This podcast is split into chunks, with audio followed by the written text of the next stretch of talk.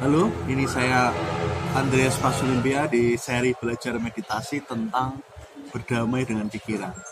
Jadi, ya ini singkat saja ya, bahwa kadang-kadang ketika bermeditasi kita seperti terganggu pikiran. Padahal ya pikiran itu tidak pernah menjadi penghalang bagi kesadaran.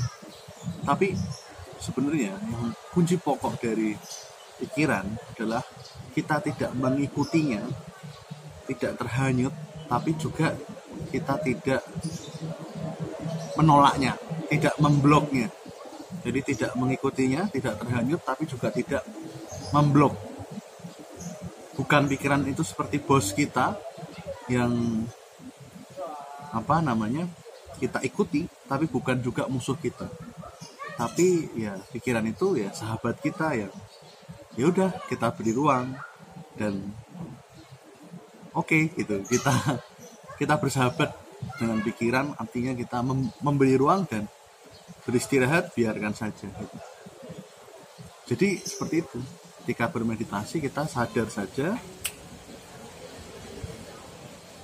Kemudian nanti ada pikiran-pikiran it's okay. Sadar kembali ada pikiran-pikiran muncul lagi beri ruang. Sadar kembali.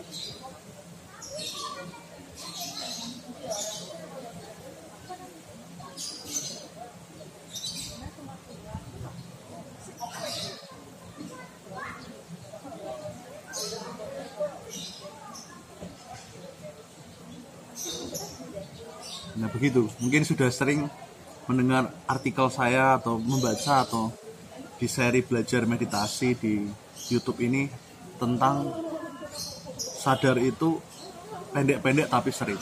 Pendek-pendek tapi sering. Itu yang terus kita uh, kenali dan sangat memberkahi sekali menurut saya. Oke itu singkat saja. Semoga berkah dan terima kasih